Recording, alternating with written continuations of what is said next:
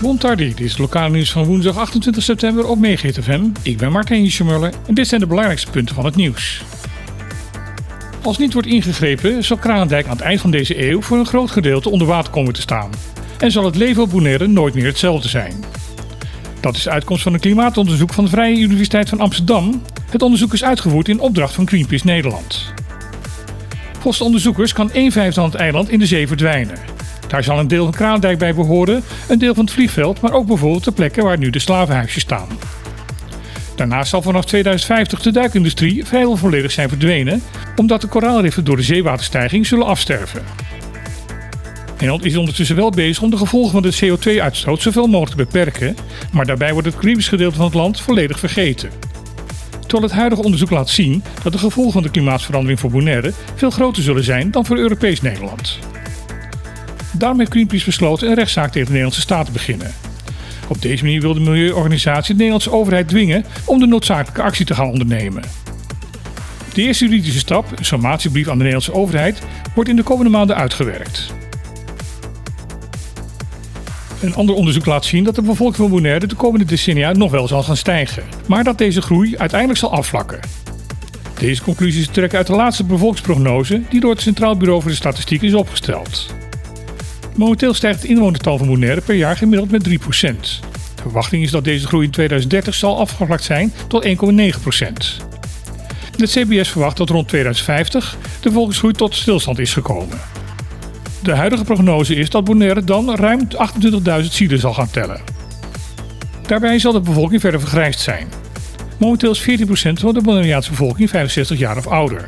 In 2050 zal dat 28% zijn. In dit onderzoek zijn nog niet de effecten meegenomen die de klimaatsveranderingen op het bewonersaantal van Bonaire zou kunnen hebben. De Rijksdienst Caribisch Nederland heeft een nieuwe directeur. Dat is bekendgemaakt door het ministerie van Binnenlandse Zaken en Koninkrijksrelaties. De huidige eilandssecretaris van Saba, Tim Muller, zal de functie van RCN-directeur per 1 december op zich gaan nemen. Hij lost daarmee aan Jan Helmond af, die deze functie sinds 2014 vervulde. Muller wordt gezien als een bruggenbouwer. Als eilandsecretaris heeft hij al laten zien dat hij de belangen van de Caribische eilanden en Europees Nederland op een effectieve manier met elkaar kan verbinden. Het resultaat staat bij hem altijd centraal, zegt Roland Laperre, directeur-generaal Koninkrijksrelaties bij het ministerie van Binnenlandse Zaken. Vertrekkend directeur Jan Helmond blijft wel in functie als waarnemend Rijksvertegenwoordiger. Een functie die hij sinds 2018 combineerde met het directeurschap van RCN. De overheid van Bonaire heeft een nieuwe website gelanceerd, bonaireisland.com. De website is gericht op bezoekers van het eiland en moet de nieuwe branding van het eiland tot uiting brengen. De look en feel van de website is daar volledig in overeenstemming mee. Volgens Tourism Corporation Bonaire is op de website alle voor de reizigers belangrijke informatie over het eiland op een prachtige manier bij elkaar gebracht. Verder is de website geschikt gemaakt om met een ADA-compatible schermlezer te kunnen gebruiken.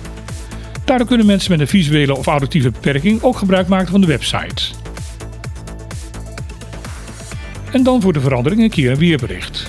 De komende dagen moet rekening gehouden worden met flinke regenbuien die gepaard kunnen gaan met onweersbuien. In enkele gevallen kan de overvloedige regen tot overstromingen leiden. Dit zal zeker nog tot vrijdag doorgaan, met een kans dat we daar ook nog zaterdag last van zullen gaan hebben. Eigenaren van huisdieren worden aangeraden om tijdens onweer hun dieren zoveel mogelijk binnen te houden. Als dat niet kan, zorg er dan voor dat de tuin goed is afgesloten, zodat uw dier niet in paniek kan wegvluchten. Dit was het lokale nieuws van vandaag op MeeGTFM. Wens u nog een hele fijne dag met niet al te veel hemelwater en graag tot morgen.